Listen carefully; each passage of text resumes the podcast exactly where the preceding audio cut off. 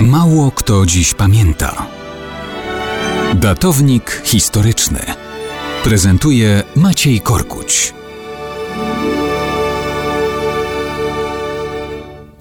Kto dziś w Polsce pamięta o tym, jakie państwa na nas napadły w dniu 1 września 1939 roku. Takie zdanie wydawać by się mogło niedorzecznością, gdyby, gdyby nie było prawdziwe. Liczba mnoga jest nieprzypadkowa, bo o 4.45 polskie granice zostały przekroczone przez wojska niemieckie, a dokładnie 15 minut później, o 5.00 Polskę zaatakowała Słowacja. Ona też udostępniła swoje terytorium i swoje lotniska Niemcom. Dzięki temu oskrzydlenie Polski było pełne.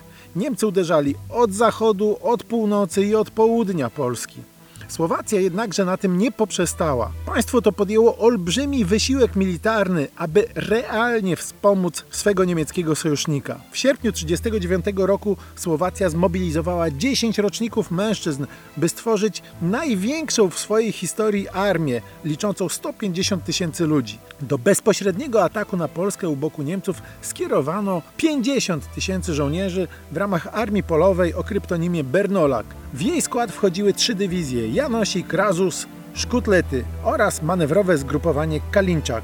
Naczelny dowódca Armii Słowackiej generał Ferdynand Czatlosz w rozkazie z 1 września 1939 roku tłumaczył idącym do ataku na Polskę żołnierzom. Nasze interesy połączyły nas z armią niemiecką i postawiły nas we wrogich relacjach z Polakami. A jednocześnie dodawał: Zdecydowane Niemcy potrzebują zdecydowanych przyjaciół. Naszym poświęceniem zasłużymy na wdzięczność potomnych. Tak więc na małopolskich rubieżach od pierwszych godzin wojny Polacy musieli walczyć i przeciw najazdowi armii niemieckiej, i przeciw żołnierzom słowackim. Ci i razem z Niemcami, i samodzielnie atakowali i zajmowali podhalańskie miejscowości, w tym Czorsztyn, Krościenko i inne. W Tyliczu spalili domy przy rynku, na Podkarpaciu uderzali w stronę Przełęczy Dukielskiej. W Zakopanem potem zrobili swoją defiladę zwycięstwa. W nagrodę od Hitlera dostali polski Spisz i Orawę, konsekwentnie w czasie wojny zwalczając tam wszelkie przejawy polskości. Jednocześnie na swoim terytorium wyłapywali kurierów polskich